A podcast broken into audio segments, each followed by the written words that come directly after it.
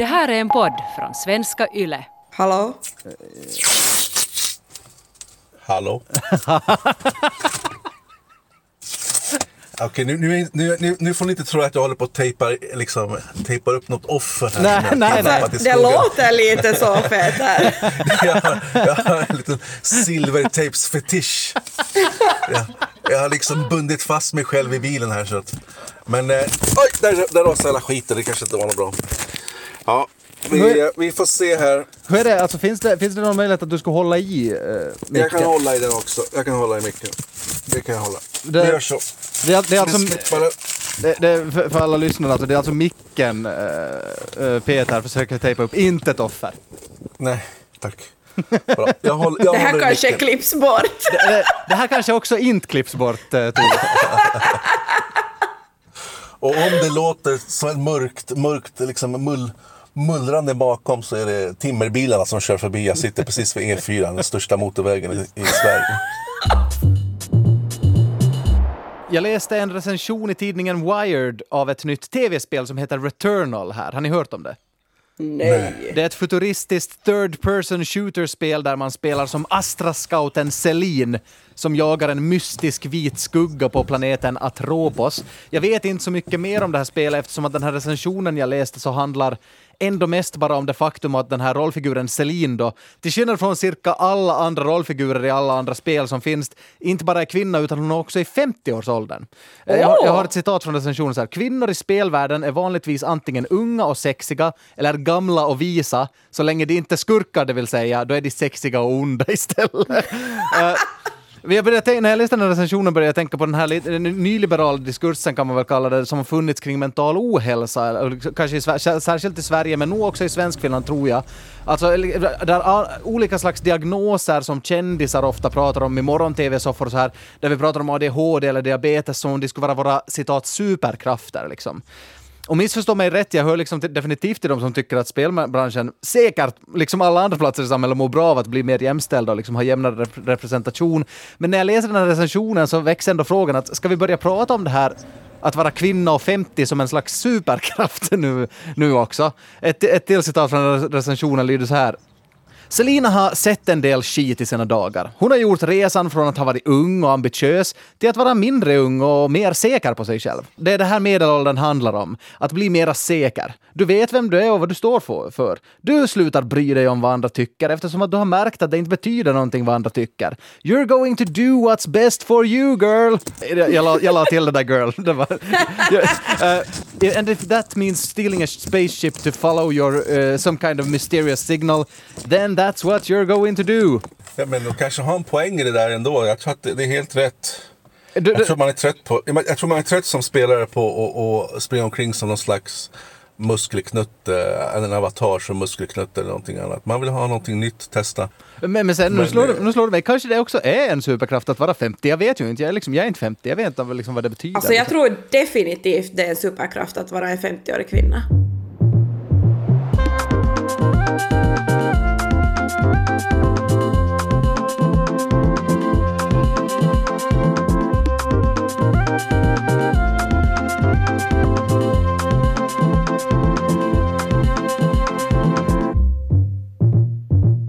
Välkommen till Sällskapet, en kulturpodd med samhällsperspektiv. Jag heter Jonas Forsbacka och jag är sommarvikarie här istället för Kia Svetihin som, som är på semester. Med mig eh, som sällskap här idag har jag Peter Alfakir och Tuuli Heinonen. Hej på er! Hej! Hallå, hallå. Vad ska, vad ska du Tuuli prata om? Jag ska prata om njutningen i att söndra och förstöra och ett koncept som heter Rage Rooms. Ooh, spännande! Peter, vad ska du prata om? Jag ska prata om en brittisk influencer som har opererat om sig för att bli korean. Okej, Eh, mm. just Och Det, har det. varit ganska, det är ganska komplicerat det där med, med gender och kön, men nu kommer ännu en dimension här, etnicitet. Kan man och får man identifiera sig som man vill? Jag, jag, jag har tänkt prata om en problematisk grej människor brukar säga när de gör så kallade intersektionella analyser. Det här efter att ha sett den hyllade dokumentären Crip Camp, A Disability Revolution. Under de senaste veckorna har eh, Rage Room, alltså konceptet Rage Room kommit emot mig några gånger faktiskt. Jag har bevittnat det, jag, det har pratats om det, men jag har inte själv fått göra det. Och jag blir helt knäpp när jag tänker på det. Jag måste få slå sönder någonting nu. Jag är helt sjukt sugen. Uh, Rage Room-konceptet går alltså ut på att man får till sitt förfogande ett rum, Eh, en viss mängd elektronik, såsom eh, tangentbord och kaffekokare och dylikt, eh, porslin, Beroende på alltså hur mycket man är villig att betala. Man, man får ju mera, mera saker att söndra om man betalar mera. Man får skyddsutrustning och olika vapen såsom kofot, baseballträ, möjligen olika medeltida vapen. Och i rummet finns också högtalare så att man kan ragea till just den musiken man själv vill. Eh, jag läste i en artikel som eh, Marina Pitowski skriver i USA Today, Rage Rooms, Why Recreational Smashing could be good for your mental health. Okej, okay, just det. Det ska ha liksom positiva hälsofördelar att, att, ja, att gå ja. loss där. Men det är nog inte helt, det är lite sådär si och så. Okay. uh, Eh, det första Rage Roomet, enligt den här um, artikeln då, så öppnades i Japan 2008. Och det blir mer och mer populärt hela tiden. Uh, I artikeln skriver, skrivs det att uh, dagens konsument är mer och mer stressad i sin vardag och bär bär på ångesten för klimatkrisen och den politiska atmosfären, så Rage Room ska alltså vara den perfekta medicinen för det. Eh, Mary Babick som är delägare i The Smash Room, som är ett Rage Room i Daytona Beach, Florida, säger att eh, Rage Rooms inte bara är till för när man ser rött, utan att de flesta använder Rage Rooms för eh, stresshantering. Hon säger också att till hennes förvåning är majoriteten av hennes kunder kvinnor. På ett annat Rage Room är 95 procent av kunderna kvinnor. Jag, jag vet inte vad det ska betyda. Nej, men, just det. Men får jag redan liksom vara så här lite skeptisk? Uh, ja. När du säger det där med liksom att, att uh, folk kan gå dit för att hantera sin klimatångest. Jag tycker det på något sätt är en sån här jobbig, ett, ett, jobb, ett jobbig symbol för vår tid. det är så här, vi vet att mm. klimatet håller på att uh, för, för, förstöras. Det, det, är redan förstört. Liksom. Hur hanterar vi det? Ja, vi betalar in oss till ett rum för att ha sönder grejer. Det är liksom, det, det på något sätt, jag, jag får en sån känsla av att okej, okay, vi kommer verkligen inte att lösa klimatkrisen ifall det, ifall ifall det är så här vi hanterar det. Jag håller helt med. Ja, ja, det, här, det här kan inte liksom lösa något problem, men, men jag kommer fram till varför jag är så jäkla sugen på det. Ja, ja. Uh, det finns också, i samma artikel nämndes det att det finns vissa terapeuter som rekommenderar rage rooms mot uh, ångest. Men också att andra psykologer säger att rage rooms kan vara kul, men de ska absolut inte användas som substitut för kommunika kommunikation eller för att söka hjälp. Um, att för människor med benägenhet för ilska och vredesutbrott är det kanske inte en bra idé. Men vänta, vänta nu. Alltså ett rage room, ett, ett, ja. ett, ett rum fyllt, som är tillägnat för ilska, det är inte bra för människor som får vredesutbrott alltså. I liksom ut i samhället sådär, ja. Men alltså jag kan förstå det. Att för lugna och sådär harmoniska människor som kanske inte har hittat ett utlopp för sin ilska och vrede. Ah, jag fattar. Så kanske det, ja. Mm. Just det, det blir en ventil liksom. Så här, hej, men ja, hej, precis. Ja, okay. under, under liksom så här kontrollerade omständigheter och man, man skadar inte en annan person på det sättet utan man slår sönder elektronik istället. Nå, nu måste jag alltså berätta varför jag har blivit så besatt av det här. Eh, jag fick nyligen sitta i publiken och uppleva en demoföreställning av och med skådespelarmusikerna Susanne Maris, Marins och Karla Fri på Malakta i Malax i Österbotten. Eh, det var alltså en berättarföreställning som ännu är en work in progress. Och den här föreställningen heter Vilda, visa, vilsna. Susanne Marie skriver så här i ett Facebook-inlägg om föreställningen. Uh, vår vildhet, vilsenhet och visdomen som kommer ur förvirringen, urkraften, kvinnokraften, sexualiteten och ilskan. Ja, ja, ja, säger hon. Okej, okay, okej, okay, ja. Uh, jag ska inte desto mer gå in på vad föreställningen handlar om, men den här demon som jag fick ta del av, den var alltså halvfärdig. Eh, men redan nu otroligt fin så, så jag rekommenderar verkligen att hålla utkik för när de, när de får den till premiär. Men på grund av att den inte var färdig så fick jag då inte uppleva deras version av Rage Room som skulle komma i slutet på föreställningen utan de, istället berättade de om den bara. Vilket, vilket känns lite jobbigt. Eh, Ja, det, det, var- det är ju kul säkert att en, en skådis kommer upp på scen och säger så här väldigt lugnt och sansat, förklarar väldigt informativt. Här kommer vi sen ha ett, en scen där vi har eh, totalt kaos med allting. Vi förstör allting, bränner ner hela skiten. Ja, Så kommer det se precis. ut ungefär. Precis. Eh, jag var alltså och kollade på den här demon en dag för tidigt, för följande dag hade de redan hunnit bygga upp deras version Okej. av Rage Room. Och de kallar det för Viha-Huone eller Viha-Space, alltså hatrummet, hatspace. Men jag fick höra om följande dagens upplevelse, upplevelse av Susanne Marin som sa att det blev en sorts installation ute med gammal elektronik, högtalare, keramik, porslin, blommor, reklamtidningar. Eh, publiken som sett demon fick delta och de fick också ta med sig en sak eller en pryl som de hatade som sen togs ut till Viha-spacet och de fick söndra den. Och I slutet av demon eh, uh, får en av skådespelarna först ut och började demolera saker och sen fick alla som ville haka på.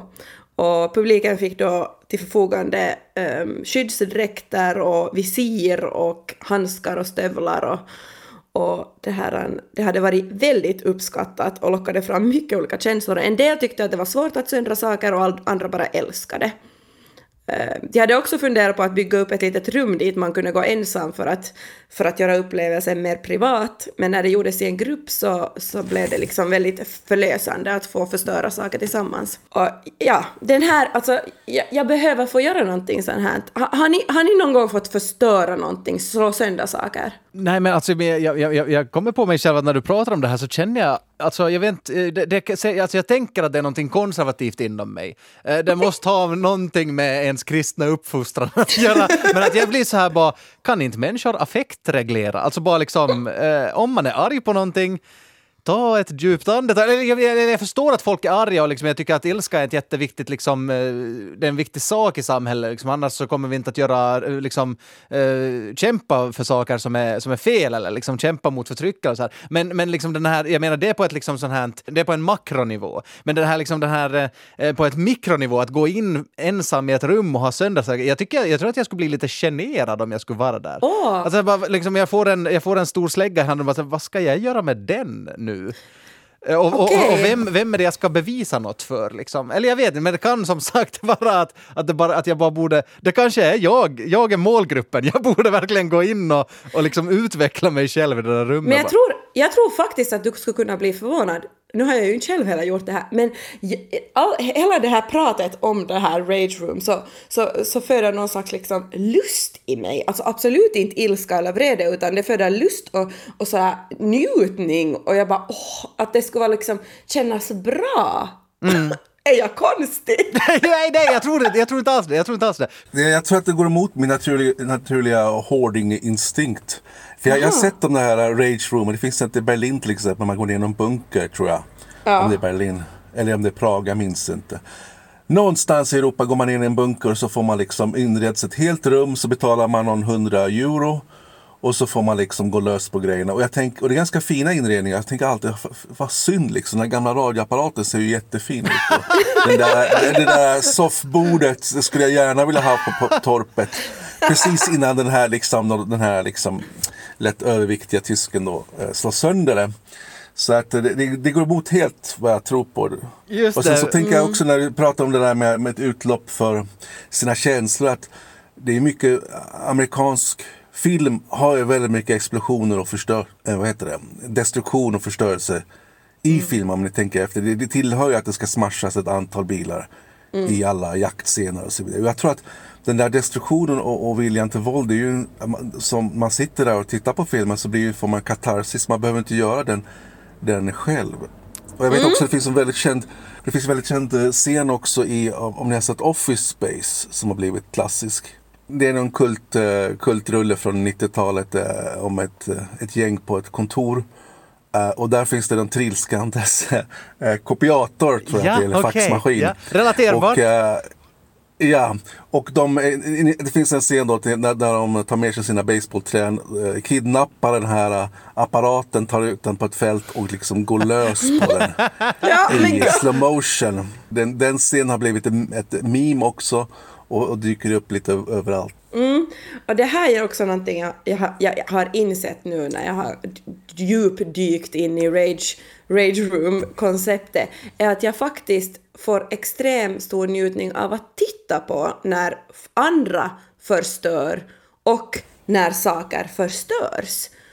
Och eh, till exempel när jag studerade på Teaterhögskolan så höll de på att riva byggnaden bredvid. Och de där maskinerna som jag faktiskt inte vet vad de heter, alltså det är någon slags grävskopssituationer som inte gräver utan de liksom äter upp byggnaden. Och vi, vi kallar dem för dinosaurier, för de såg ut som enorma dinosaurier som bara liksom bit för bit åt, åt upp av byggnaden och så sprutade de ju vatten för att inte det här dammet skulle spridas så mycket. Och, och det var helt otroligt fascinerande. Jag, jag kunde titta på det i timmar och det var helt amazing. Och det, jag vill säga, vad, vad, vad, vad säger det om mig? Att jag liksom, det, det är liksom njutningsfullt. Och så blev jag sen tipsad om en, eh, att det finns på Youtube en massa videon där saker pressas sönder. Och då kom jag, hittade jag mig fram till Hydraulic Press Channel. Och det är alltså det, är det bästa jag har hittat på, Det- på det- Youtube. Det, det här har jag nog suttit och tittat på faktiskt, måste jag erkänna. Eller hur? Jag har, Alltså, jag, jag har sett, de, de brukar också ha de här enorma, gigantiska metallkvarnarna som är stora som containers som, som Ja. man liksom kan i princip stoppa ner en bil och det mals ner. Hej, Ja, eh, jag, alltså, jag, jag ja. heter Jonas Forsback och jag sitter och poddar med två personer som brukar sitta och kolla på Hydraulic Press Challenge på Youtube. Yes. Men alltså det är så fascinerande. Det, det kan vara liksom, no, de pressar ner vad som helst, men, men CD-skivor, vad som händer och sen äh, så här, vad här, gummy bears, godisar. Alltså det är så, åh det är underbart. Men vänta, nu, men vänta nu, alltså de här godisarna, de här nallarna, uh, gelénallarna, eh, Ja. alltså pressar man dem med fingret? För det brukar jag kunna göra om jag äter dem, att jag sitter först Ah, ja. och pressar dem med fingret. Nej, nej, utan de har, de har en liksom stor hög av dem och så trycker de i den här hydrauliska pressen. Heter, jag vet inte om det heter Men vad, vad händer då? De blir så- platta nej, men- såklart. Nej, nej, alltså de sprutar upp sen för det är så många så det blir som en så här eh, fontän av färggrann godismassa. Finns det någon sexuell dimension av det här? Som någon slags utlösning det där? Eller? Alltså, jag, jag kan inte säga att det, det är något sexuellt jag känner när jag ser på det, men det finns en njutning, definitivt. Ja. Men, men varför, eh, Tore, Tore, varför tror du att det är så många kvinnor då som är så intresserade av just den här biten? Tror att det finns något sånt? Eller är det, bara så att det har, har spridit sig i vissa kretsar så har det blivit populärt?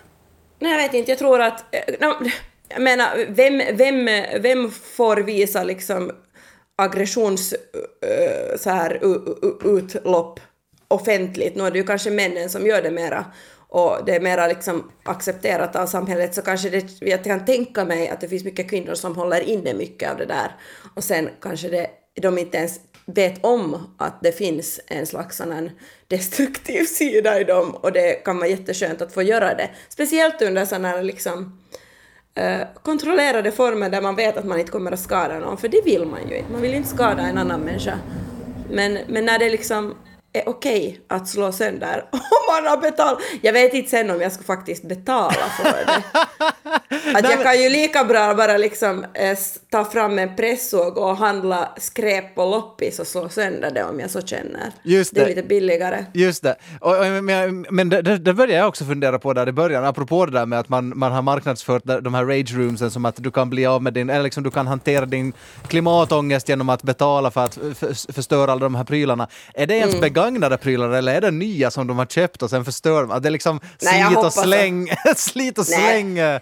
Jag tror, jag tror, jag hoppas och tror nog att det är liksom skrot på riktigt. Att det, eller jag vet, jag vet inte, jag har ju inte varit... För det är ju det, det, är det jag menar, alltså, jag, jag, jag, jag, alltså, jag kittlas ju nog väldigt mycket av att testa det här. Men nog skulle det ju vara en, en mäktigare känsla, tänker jag spontant, att förstöra någonting jättedyrt. Alltså liksom en jätte, jättedyr, alltså Mona Lisa-tavlan är där. Och jag får, jag får eh, eh, en, en yxa och fem eh, pilar och, eh, och en skumsläckare och en, en sax.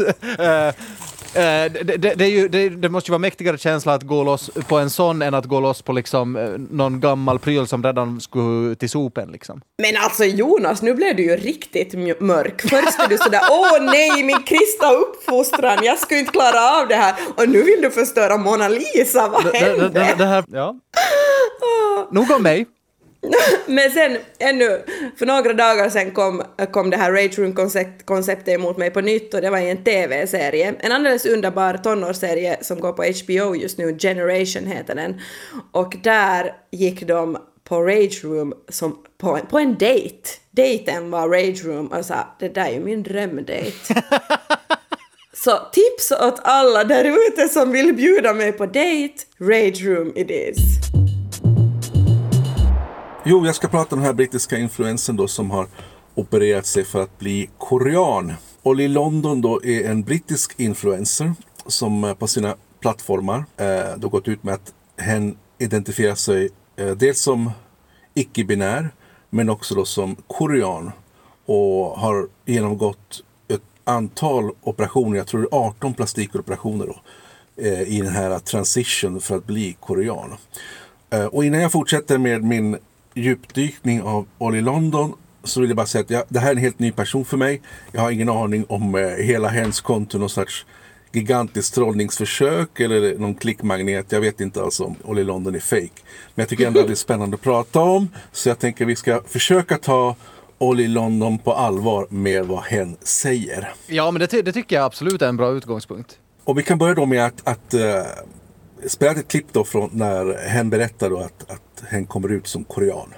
I'm feeling really good. Um, for the first time in my life, I feel beautiful. You know, I'm looking in the mirror and I love the way I look and uh, feel happy. Um, and I hope people can respect my decision. It's a very tough decision to come out this way, um, but I am coming out as non-binary. Um, I don't feel I identify as male or female. I just feel like I'm just in the middle. Um, and my pronouns are they, them, Korean, Jimin, because I know a lot of people don't understand me, but I do identify as Korean, and I do look Korean now. I do feel Korean. I don't identify as British, so please don't um, refer to me, any media or anyone online as British, because I, I identify as Korean. That's just my culture. That's my home country. That's exactly how I look now. Um, Ja, ni, ni hör ju här. Och, och, och till det här ska det sägas att uh, man ser tydligt på, på, i den här videon att, att hen har ändrat sitt utseende. Bland annat näsan och, och ögonen har fått en mer asiatisk look. Och det som är intressant är också att Olly London kopplar samman den här känslan med att identifiera sig som korean med att det är Pride-månaden och Pride-rörelsen och, och den stolthet som finns inom den communityn. Och jämför också sin egen transition med de som har genomgått olika könskorrigeringar. Och det här är då eh, hens form av transition. Och i videon berättar också henne att hen inte längre vill bli kallad för brittisk utan numera ska refereras till som korean och har tagit ett nytt koreanskt namn, Jimin, och det är ju efter en koreansk popstjärna. Och, och för de som inte är bekanta så är ju koreansk popkultur otroligt populärt ute i världen eh, med egna grupper och filmer och alltihopa. Och Jimin är någon, någon form av superstar där. Och det här har då mötts av ganska starka reaktioner. Och Ol- Ollie Londons har gått ut i, i, på nyheterna och sagt att hen har fått olika dödshot. Men jag tänker att jag ska läsa upp några av kommentarerna som dyker upp under just den här videon som vi hörde. Och inte för att jag vill sprida hat utan för att liksom plocka upp eh, de här trådarna som de här kritikerna ger röst till. Och då säger du till exempel Mangoman Z1 att uh, as a gay guy I feel offended how you are trying to link your racial cultural transition in with Pride Month. If everyone identified as a different race then how confusing would the world be? It erodes the meaning of history and what other races have experienced. En annan eh, kommentar säger så här ehm, As a native Korean myself, this is just pure stupidity. You can't identify as a Korean in any, any way, shape or form. Uh, och så säger en, en annan person då I feel like he's mocking Asians just by making his eyes extremely small. Ja, ni hör, det, det är lite olika trådar där hur man, hur man har reagerat på det här. Ehm, vad, tänker ni, vad tänker ni kring det? jag tänker direkt på den här kvinnan, som, den här vita kvinnan som, som upplevde sig som svart i USA. Var hon? Jo, tror jag. Jo, Ja. jag, jag kommer till henne, jag kommer till henne Ah, också. okej. Ja, mm. Ja, men det är rätt, ja. Men alltså, ja, alltså det är ju så... åh, det är ju svårt. Jag vet, jag tycker det är svårt.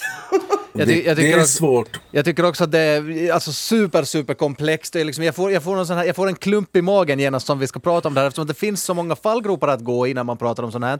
Eh, eh, men, men också att det liksom, eh, jag, får också en känsla när jag hör dig prata om All i London nu att, att, att är det, finns det någonting medierna kan tänka på när, man pratar om sådana här nyheter och sådana här personers berättelser? Finns det någonting vi kan tänka på? Att, att är det så att när det handlar om eh, könskorrigeringar eller då i det här fallet att, att eh, också korrigera eh, ens liksom, eh, eh, etnicitet, att, att lyfter medier ofta eh, väldigt liksom eh, hypade, väldigt liksom radikala fall eh, och, och, och får det oss som, som medborgare att tänka att, att, eh, att hela grejen, att liksom hela den här grejen att identiteter kan vara flytande, kan vara komplexa, får vi det att tänka som, eh, får, får, får vi det att verka som en cirkus liksom, eller liksom eh, sätter vi på en ett, eh, exotifierande liksom blick på allt det här och, och, och därför blir det svårare att acceptera liksom överhuvudtaget den här diskussionen, att liksom identiteter kan på riktigt vara flytande. För jag menar,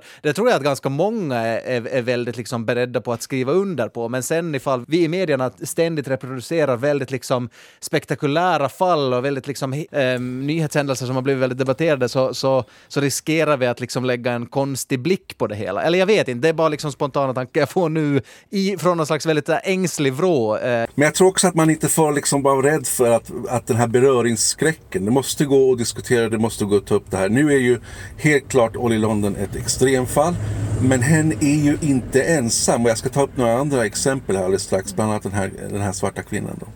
För att det är ju inte första gången som någon identifierar sig som något annat eller försöker uppfattas som en annan etnicitet än den man föds som.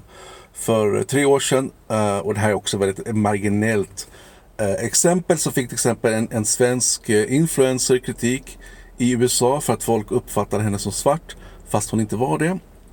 För att på hennes Instagramkonto hade hon tipsat om kläder och smink och fot på fotona såg, såg det ut som att hon såg ganska svart ut. Och då gällde det här fenomenet blackfishing. Som då alltså man försöker tjäna pengar eller få andra fördelar genom att anamma och härma svart kultur. Och den här personen då sa att hon själv aldrig hade sagt att hon, eller påstått att hon är svart. Men det, det, hjälpte inte. Folk var ändå arga på henne och menade då att hon stal jobbtillfällen från andras, eller från svarta influencers genom att kapitalisera på svarta skönhetstrender. Och det då utan att sen behöva utsätta sig för alla de nackdelar som kommer med att vara svart, som rasism och förtryck.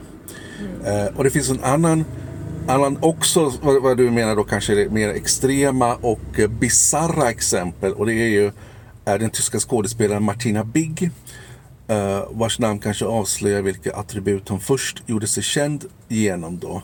För hon har försökt att omforma sin kropp i ma- massa olika projekt. Först då som en slags mänsklig Barbie och hon skaffade sig världens största bröstimplantat. Men i det här fallet inte inte byst intressant utan hon har också fortsatt då med den här omformningen genom att under två år injicera sig med eh, hudpigmentet melanin som har gjort hennes hud svart. Eh, och hon säger vidare nu att hon identifierar sig som svart och planerar att flytta till Afrika och har döpt om sig i Kenya till Malaika Kubwa. Och förutom då bytet av hudfärg har hon också irriterat folk genom att säga att hon inte bara nu ser sig som svart utan också vill eh, liksom komma ut som Black Lives Matter-aktivist och vill kritisera då vita för deras utnyttjande och exploatering av svarta. Och då, då kommer man den här fällan, ska man ta en sån här person på allvar? Är det här en transition som är allvarlig eller är det någon form av, av liksom sätt att väcka uppmärksamhet och tjäna pengar? Det är svårt att säga. Det, här, det finns ett annat exempel som, som Tully var inne på. Jag tror att hon menar den här Rachel Dolezal Ja, som precis. uppträdde som eh, svart och hade krulligt hår och, och solbränd hud. Och hon var till och med ordförande ett tag för en svart människorättsorganisation. Men eh, när hon berättade i media att hon hade utsatts för rashat och blivit attackerad som svart så fick hennes föräldrar, som då är vita, nog och gick ut med att Rachel Dolezal var född vit. Och det här liksom förstörde ju hennes karriär kan man säga som, som människorätts, svart människorättsaktivist. Men eh, jag, jag tror att hon fortsätter att hävda att hon då är transracial. Och det här begreppet transracial är inte helt lätt heller. Att liksom bena igenom. Och jag tror att det finns vissa feministiska teoretiker, teoretiker som, som stödjer dem som, som eh, menar att, att de är eh, födda i fel ras eller fel etnicitet. På svenska är det väldigt svårt att prata om ras, men, men jag, jag vet inte. Det. På, på engelska heter det transracial. Och ras i sig också, eller etnicitet är ju också väldigt komplicerat utifrån eh, perspektiv som till exempel jag som är då hälften svensk och hälften arab och eh, även tysk. Sen kan man tänka att arab är vit eller arab inte vit. Jag vet inte, jag tycker det är jättesvårt. Uh, vad man, hela den, jag, jag faktiskt vet inte vad, Men nog vad man du ska väl- kategorisera. Känner du inte att du hör till liksom POC-gruppen ändå? Vad skulle popgruppen vara då? Nej, men alla som inte är vita, tänker jag. Just det, den här, den här engelska termen people of color, alltså det, det, andra jämfört med liksom ehm, vithet då. Jo, men jag kanske inte vill vara en popgrupp. Nej, men det behöver du inte. Det, det, nej, nej. För det blir, också, det blir också som en slask, en slaskgrupp alla andra. Jag vet inte, jag, jag, har, jag har liksom ingen lust eller, eller ens eh, känner att jag kan ge mig in i någon, någon slags dis- diskussion om vad man ska placera. Och det här, just det här med att placera är ju också det att liksom sätta fingret på hur svårt det är med, med, med personer som Olly London. För att eh, om vi tar ha- hen då så, så jämför ju hen den här processen med byta etnicitet med köns, könskorrigering eller könsbyte. Mm. Och i fallet med könskorrigering handlar det om att man vill ändra sitt kön för det ska överensstämma med ens, med ens upplevda könsidentitet. Ja, till exempel om, om du är man och fötts i en kvinnokropp. Och, och, och det brukar kallas då för någon form av könsdysfori. Och det är ju först på senare år som de här frågorna börjat diskuteras mer öppet och på allvar. Och man börjar ta då, transpersoner och, och transgenderfrågor på allvar. Uh, och det, det är fortfarande kontroversiellt och det är till och med förbjudet i många länder. Men med tanke då på hur samhället historiskt har berätt, behandlat transpersoner och, och eh, deras kamp eh, för att få respekt och, och man tänker också på hur många transpersoner som, som lider av psykisk ohälsa eller till och med begår självmord då, så kan man ju liksom uppfatta att Olly Londons förvandling eller transition till korean blir en smula vulgär. Och jag har också läst en krönikör då som reagerar på Olly London och menar att det går inte att jämföra kön och etnicitet. Visst, de båda är sociala konstruktioner enligt då den här eh, skribenten. Men till skillnad från kön så är etnicitet någonting man ärver och har samman med, med biologi, den kultur man är uppväxt inom och den gemensamma historia som förknippas med en viss etnicitet. Och etnicitet är så mycket, mycket mer än bara hur man ser ut eller vissa utseendemässiga kännetecken. Då menar hon, hon att, eh, att gender och kön däremot är någonting som ligger inom en och något som man upptäcker själv när man blir äldre, något som man får bestämma allt eftersom. Mm. Jag tänker, jag tänker på något sätt det där när Olli London säger att, att Korea är numera mitt hemland, liksom landet jag kommer ifrån. Alltså hemland kan ju vara vilket som helst förstås om man flyttar runt och sådär. Men på något sätt, för om man på riktigt inte är uppvuxen i det landet så är det kanske lite svårt. Eller jag kan inte, det, kan, det har jag svårt att förstå. Att hur man, man har ändå inte de upplevelserna som man skulle ha haft ifall man skulle ha levt i det landet. Det var ju någon annan eh, eh, kommentar där som, som sa om, om, om vi liksom respekterar det här How confusing the world will, will be om alla kan identifiera sig som hur de vill vad det gäller etnicitet. Och den, det argumentet fördes ju tidigare. och Hur, how confusing skulle det inte vara om vem som helst fick ha vilken som helst kön? Ja. Eller, ja, och nu, nu, nu pratar vi om etnicitet. Men det finns ju också andra grejer. Ålder till exempel. Det var ju en, någon halvskojare från Nederländerna som gick ut och sa jag, är inte 65 längre. Utan jag är väl 35 eller 45. jag, inte, jag, jag identifierar mig nu som, som eh, inte som pensionär utan jag identifierar mig som ungdom och så liksom kanske gör en massa skön, skönhetsoperationer, tränar, tränar och uh, den här personen då eh, hävdade också, uh, han också tränade väldigt mycket och menade att hans doktor sa att han hade kondition som är 40 år, hans biologiska ålder var 40 år. Men det är också, det är, det är också en, ännu en aspekt av den här flytande identiteten. Ska vi, också, ska vi också godkänna då människor att de är mycket yngre för att då kan ju jag som, som liksom eh, säg som medelålders man säga ja, nej men jag identifierar mig som under 18. Jag vill ha straffrabatt. Nej, just det. Eh, jag Jag, jag, vet inte, jag, jag vet, håller ni med mig? Men jag, jag, bara, jag, jag, jag, jag får... Eh, när man pratar om eh, transpersoner eh, liksom, eller t- könskorrigeringar i samhället så, så, så har jag för mig, jag hör kritikers raljerande röster som säger i bakhuvudet ja men då identifierar väl jag mig som en stol då, eller ja men vänta då är jag eh, tjej och så får jag gå in i tjejernas omklädningsrum som, som man. Alltså jag, jag, jag tänker bara, eh, det, det känns som att eh, jag är rädd att sådana liksom eh, haters ska få vatten på sin kvarn när man pratar om sådana saker. För det är liksom... Jag, förstår, jag förstår dina betänkligheter men, men eh, eh, och, och, det, och det är ju det en av kritiken till Olli London är just att, att när hen själv gör den här jämförelsen med, med en könskorrigering att, det- att det blir en vulgarisering. Att man liksom bortser från den historia som transpersoner har gått igenom. Eh, historiskt och den, det, det, de svårigheter de har med eh, psykisk ohälsa och så vidare. Eh, men det sätter ju också fingret på vad du pratade tidigare om, att det här med att eh, hur, hur ska vi göra i ett samhälle där, där många av de här gränserna uppluckras och man får flytande identiteter. Är det, är det fine? Är det här framtiden? Går vi omkring eh, om 50 år och liksom själv får designa exakt hur vi själva vill bli framställda? På ett sätt känns det ju enormt befriande. Om du förstår, jag menar, att, att, att nu är det helt upp till mig själv att sätta ramarna för min egen personlighet. Eller blir det här bara smått löjligt utan att förringa eh, transpersoner eller, eller, eller deras kramp utan att, att det här, eh, vad ska man säga, det självbestämmande rätten i ens identitet att det inte fungerar utan det bara är djupt förvirrande för människor därför att eh, Därför att, att hjärnan är uppbyggd på det sättet rent biologiskt att det vill kategorisera, stoppa saker i fack för att kunna eh, förstå saker. Och det finns ju andra, finns ju andra populärkulturella exempel på det här. Det, eh, till exempel det finns en film som heter Selig av Woody Allen. Har ni sett den? Den är också några år på nacken. Nej. Nej. I den, här, I den här filmen då så är det en person som förändrar sig eh, hela tiden utifrån de, de andra personer som, eh, som då Selig möter. Inte bara i språk och dialekt utan det blir som en fysisk förändring. Är, är han med, med judar så blir han liksom ortodox jude. Är han med italienare så blir han någon slags eh, eh, ja, stereotyp av, av en italiensk gangster med, med kineser och så vidare. Eh, och man kan ju tänka att det, det är en person som helt saknar, i det här fallet så är det mer psykologiskt, att man saknar en egen personlighet och man emanerar och härmar alla man träffar. Och det är ju ganska lätt att känna igen sig i det där också. Jag brukar själv ändra dialekt när jag pratar med folk.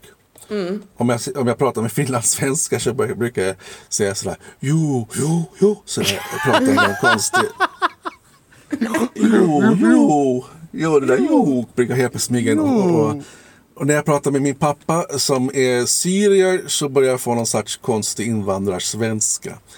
Eh, men jag har upptäckt att, att han förstår mig mycket bättre när jag pratar på det sättet. Men i vilket fall, ehm, det är ett svårt ämne och jag tror att det kommer komma fler sådana här identitetsgrejer att man vill själv sätta ramarna för ens egen, egen personlighet och inte lyssna på samhället och att vi kommer få ta de här diskussionerna fler gånger Mm. eh, vad det gäller just hur man ska uppfatta en person som Molly London. Om man ska respektera hens transition eller bara se det som ett spektakel som på något sätt eh, förstör och ger the haters vatten på sin kvarn journalister och opinionsbildare och vanliga personer bara som är woke, men också politiker, organisationer och aktivister eh, som bryr sig om liksom, mänskliga rättigheter brukar kunna säga saker som att citat, ingen människa ska behöva bli diskriminerade på grund av sin kö- sitt kön, hudfärg, sexualitet, religion och så vidare. Så skulle också till exempel FN kunna formulera sig när de talar om varje människas mänskliga rättigheter. Eh, så kanske man säger när man eh, talar om mobbning i skolan. Man, man säger kanske liksom kön, hudfärg, sexuell, sexuell läggning och så vidare, eller etc. Uh, eh, och uh, ja, men vi har hört sådana uh, formuleringar många gånger. och det är liksom det här OSV, eller det här etc. som jag skulle vilja prata lite kort om idag. Vad är det riktigt som ingår där? Uh, när jag pluggade genusvetenskap så minns jag att jag hörde snackas om feministiska teoretiker och forskare som har diskuterat och väckt kritik mot det här slentrianmässiga OSV som man brukar använda när man pratar om begreppet intersektionalitet. Uh, helt kort här, lite, lite om begreppet intersektionalitet så att, så att jag sätter det på kartan. Det används alltså också ofta, mycket ofta utanför akademiska kretsar och handlar helt enkelt om hur, hur sociala kategorier hör ihop och interagerar med varandra och hur det här olika kategorierna relaterat till maktordningar som finns i samhället, som, till, som upprätthålls av förtryck. Alltså, det, det, finns, förtryck finns och upprätthålls i samhället baserat på, på till exempel etnicitet och kön och sexualitet. Och den här intersektionella analysen hjälper oss att synliggöra hur de här förtrycken fungerar, men också, eh, liksom viktigt nog, interagerar och hör ihop med varandra. Uh, begreppet intersektionalitet myntades liksom, uh, i akademiska kretsar åtminstone år 1989 av den svarta feministiska teoretikern Kimberly Crenshaw, som under 80 och 90-talet inom forskningsfältet för kritiska rasstudier bidrog till att motverka feministisk forskning som inte tog tillräckligt stort beaktande för hur, hur mycket etnicitet spelar roll i samhället och inom forskningen. Och jag, jag, jag vill prata lite om det eftersom att det finns en... Jag, tror, jag, jag upplever att det finns en liten miss, missuppfattning i offentligheten och på sociala medier där jag tycker att liksom, ja men, folk raljerar och kritiserar inter, intersektionalitet för att vara någonting som ytliga Instagram-tjejer använder för att verka woke liksom. Men, men det, det, är bara en, en otrolig förenkling skulle jag vilja påstå. Och, och liksom i någon mån antifeminism kanske. Det, kanske det är det som är målet med det, jag vet inte. Men, men att jag, vill, jag vill bara påpeka att det finns liksom en välmående kritisk debatt, upplever jag, eller tror jag, inom bland annat genusvetenskapen, men säkert också inom andra forskningsfält, om vad intersektionalitet är och har varit och hur det används. Men känner ni igen er? Vad tänker ni på när ni hör ordet intersektionalitet? Är det, får ni positiva vibbar eller liksom växer någon sån här cringe? jag, jag fattar inte alls vad då cringe. Det är ju, det är ju det är definitivt positiva tankar som väcks. Intersektionalitet är en av de här begreppen som jag haft väldigt, väldigt svårt att förstå. Jag har läst definitionen tusen gånger men det är liksom för mig det, det är alldeles för eh, abstrakt på något sätt. Mm, just det. Och det säger jag inte som kritik eller att jag är någon hater eller att jag tillhör någon annan sorts bubbla utan mer bara att det är ett väldigt svårt begrepp. Kan man liksom så här eh, eh vara lite simpel och tänka det som väldigt inklusivt? Att man liksom inkluderar och, och har på något sätt eh, försöker i alla fall ta i beaktande de, liksom alla eh, minoritetsgrupper eller, eller grupper i förtryck. Jo, absolut. Men det, mm. det, och, det, och, det, men det, och det är det som den här kritiken mot det här slentrianmässiga OSV har handlat om, uh, tror jag. Att liksom, mm. uh, idén är att man ska inkludera en massa olika perspektiv och, uh, och människors, alltså i, i, i, förlängningen människors berättelser och människors livssituationer, den, den diskriminering och det förtryck de utsätts för. Men så, men så blir det ofta att man säger så här att ja, men det, det, det förekommer ju diskriminering mot människor på basis av kön, etnicitet och religion och så vidare. Och sen, mm. och, och det, det, frågan är då, vad är det som gömmer sig bakom det där OSV? -et? Och det här var nu en lång introduktion till att jag skulle komma fram till att jag har sett en dokumentär där personer som jätteofta göms bort bakom ett OSV faktiskt kommer fram. Och det var otroligt starkt tycker jag. Och jag har då sett dokumentärfilmen Crip Camp, A Disability Revolution från i fjol eh, på Netflix. Det är en av sommarens hetaste dokumentärer eh, att titta på, tror jag. Filmen var nominerad till en Oscar för bästa dokumentär i årets Oscarsgala, vann dock inte. Men jag har sett också tidningar som DN Kultur och andra skriva så här att det här ska du se på i sommar. Den här dokumentären porträtterar den aktivism och den kamp som, som personer med funktionsnedsättningar har, har eh, gjort eh, på 70, 80 och 90-talet i USA. Eh, och den tar avstamp i ett sommarläger som hette Camp Jened eh, som började ordnas år 1951 i USA uppe i Catskillbergen, cirka tre timmars bussresa utanför New York. Jim LeBrecht eh, är en av huvudpersonerna i filmen, också en av filmens regissörer och en person som var med och som deltagare på, på 70-talet Uh, och, och, han berättar då i början av filmen att det här lägret var citat ett sommarläger för handikappade personer som leddes av hippies. um, och, och, jag läste att Jim LeBrecht har sagt i en intervju att han ville vara med och göra en film som handlar om den frihet, glädje och känsla av normalitet som fann sig där på, på, på lägret utanför hemmet. Eh, och dokumentären börjar med att visa bilder från det här lägret, personer med olika typer av funktionsnedsättningar, eh, stora som små funktionsnedsättningar som samlas och gör vad man nu gör på ett läger. Man spelar baseball, simmar i pool, rökar på, sjunger tillsammans, flörtar och hånglar, sover i stora sovsalar tillsammans, gör mat, äter mat, hänger ute i solen, eh, musicerar och så vidare. Hur, hur nice är det inte att åka på läger på sommaren, började jag tänka på när jag såg den här dokumentären. Amazing! Det, det, som dock eh, kommer fram i dokumentären är att det här är liksom inte som på ett vanligt sommarläger. På ett vanligt sommarläger eh, åker man kanske tillbaka till normaliteten efter det här korta lägret som var liksom i en annan bubbla. På Camp Gen var det liksom tvärtom, om jag förstår den här liksom dokumentären rätt. Alltså de här personerna fick fick i den här bubblan fick de möjlighet att leva i normalitet i fyra till åtta veckor. Alltså, för annars så var de liksom, annars levde de i ett samhälle som inte var anpassat eller inkluderande för dem. Mm. Så, så, så liksom det normala, så att säga, att känna sig normal var liksom en en eh, tillfällighet på det här lägret. En stark scen i dokumentären är när deltagarna diskuterar sina tankar och känslor kring sina föräldrar och framförallt gemensamma erfarenheter av att ha känt sig överbeskyddade. En säger att han har en beroendeställning till sin mamma som köper alla hans specialgrejer som han behöver i vardagen och, och, säger att han känner liksom att han inte kan gräla med henne då eftersom att hon är så, ja men hon, hon har hand om allt det där för honom. Och några andra pratar om att de bara vill vara ensamma ibland, att, att, att få tänka för sig själv, att inte ha någon som övervakar dem. Eh, och de upplever att de har nekats rätten till ett privatliv. Mm. Eh, och på det här lägret så finns allt från barn till tonåringar och, och vuxna. Och, eh, och på, på 60 och 70-talets USA som Crip Camp, Crip Camp då eh, porträtterar så fick inte alla barn och unga med funktionsnedsättningar gå i samma skola som alla andra. Man, människor kunde be Eh, personer med funktionsnedsättningar att lämna restaurangen och andra offentliga platser och de fick inte jobb de var kvalificerade för och tilläts inte delta som en, jäm, som en jämlik och värdig person i samhället. Jag bläddrar lite i en doktorsavhandling av Mikael Karlsson från genusvetenskapliga institutionen vid Lunds universitet från 2020 efter att jag såg den här dokumentären. Den har eh, titeln Gå eller rulla, alla vill knulla. Funktionsrättsaktivism i nyliberala ehm, mm. landskap. Um, mm. Han skriver bland annat eh, att för att nämna några exempel på ojämlikhet i funktionsmaktsordningen så har personer med normbrytande funktionalitet i Sverige kortare utbildning, lever i större grad i arbetslöshet, upplever diskriminering, stängs ute från offentliga platser på grund av bristande tillgänglighet, har sämre hälsa och lever i högre grad i fattigdom än övriga befolkningen. I alla fall, uh, Larry Allison i alla fall, som var lägerchef på Camp Jened i början av 1970-talet, berättar att de startade de här lägren under 50-talet och då var det liksom helt vanliga traditionella läger.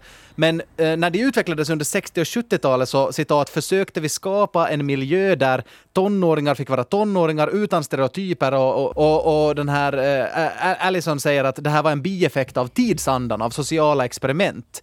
Och det, det, det, är lustigt att han säger sociala experiment eftersom att jag tänker faktiskt lite på den här SVT-dokumentären eh, De utvalda barnen när jag ser på, det här, eh, på den här eh, Crip Camp.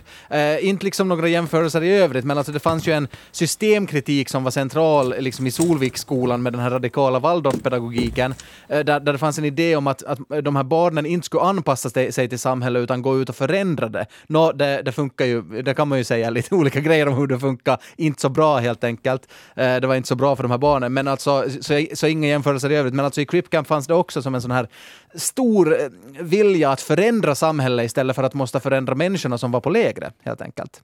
Men efter sommaren 1977 eh, så stängdes det här lägret ner på grund av brist på finansiering och jag tror att det inte längre aktivt vad jag förstår. Uh, men i alla fall, jag, tänkte, jag, tänkte, jag, jag, lägger en sammanfattande artikel från uh, New York Times i referenslistan till det här programmet eftersom att ja, men jag läste den och därför för, liksom kommer det ännu tydligare fram exakt hurdan politisk rörelse det här handlar om och, och vilken slags kamp det, det ledde till. Och jag tyckte att det var så, så pass intressant att jag kan verkligen rekommendera det. Uh, eftersom att jättemånga av dem som var på det här Camp Gened så deltog sen i demonstrationer men också ockupationer sen många år efter lägret. Bland annat så skapade eh, en grupp en av de längsta ockupationerna i amerikansk historia, då de tog sig in i fe eh, federala byggnader. Eh, det var i San Francisco som, de, som några aktivister eh, ockuperade en byggnad i nästan en månad. Eh, och det var då liksom deltagare, ledare och funktionärer som liksom hade varit på Camp Gened som sen liksom också gick ut och, och blev aktivister sen i, senare. Alltså dokumentären börjar med bilder från det här lägret där lägerdeltagarna sover i stora salar och slutar sen med bilder från när deltagarna är äldre och också då sover i stora salar under den här ockupationen mm. tillsammans. Och det, det är otroligt starkt alltså.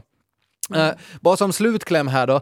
Uh, Judy Hoyman uh, var en central person bakom den här aktivistiska och politiska kampen och hon är med i den dokumentären det, det, som är bra med den här dokumentären är att det liksom, det slu, det, de låtsas inte som att allt blev bra sen bara för att politiker efter jättemånga om och men och efter jättemånga år faktiskt skrev under ett policybeslut som, och, och en lagändring som de ville få igenom. Eh, I en scen i slutet av dokumentären sitter Judy Hoyman under en samling efter att ha liksom, eh, fått, fått igenom det, det hon på många sätt hade liksom under de senaste åren kämpat för att få igenom. Och hon är tårögd, rörd och helt slut och, och hon säger så här jag skulle vilja säga att jag är glad att jag är här ikväll, men å ena sidan känner jag att jag borde säga att allt är fantastiskt. Eh, men jag känner inte eh, något av det vi har pratat om. Jag är väldigt trött över att vara tacksam över tillgängliga toaletter. Jag är trött på att känna så eftersom eh, om jag ska behöva vara tacksam över tillgängliga toaletter, när ska jag någonsin få känna mig jämlik i samhället? Mm. Och det var liksom det där, när, när jag liksom började kolla dokumentären så tänkte jag att okej, okay, man kan vara lite så här ängslig, man, jag, jag, kan känna mig lite ängslig när jag, och, och liksom så här, det, det, som kallas onödigt woke av kritiker, när man, när man liksom börjar räkna upp alla kategorier som då liksom, ja men från en intersektionell analys, att ja men det är viktigt att prata om funktionalitet och så här. Men grejen är att funktionalitet kanske ganska ofta ramlar in i det där OSV, det där, mm. eh, det där som inte vi pratar om så mycket. Och därför känns det kanske särskilt starkt när man väl ser det då i en dokumentär och det får faktiskt bara handla om funktionalitet i en och en halv timme. Uh, utan att det liksom är mm, liksom inkvoterat eller liksom, ja men fattar ni vad jag menar? Att det liksom är, det, det här är verkligen en, en eh, stark berättelse som, som behöver få ses och jag tänker när dokumentären är slut, det måste finnas många, många fler sådana här berättelser ni tycker att, ni, att det är svettigt, men ni sitter inte i en liksom soluppvärmd bil på E4. Jag har liksom försökt att inte säga någonting i två timmar, men jag liksom håller på svetten lackar här. Det är så här oh, bastu. Peter! Ja, jag, jag känner att jag är en del av liksom fåtöljen jag sitter i. Du är en hjälte. Oh, du är en hjälte. Vi, vi ska bara köra det här ja. outrot här nu. Tack Tole och Peter för sällskapet den här veckan. Vi diskuterar ju jättegärna med dig som lyssnar, så hör av dig eh, på sällskapet yle.fi om, eh, om det är någonting. Och som vanligt, alla referenser hittar du i avsnittsbeskrivningen på arenan. Nästa vecka sällskapar jag med Andrea och Elmer. Vi hörs då. Hej då! Hej! Adios.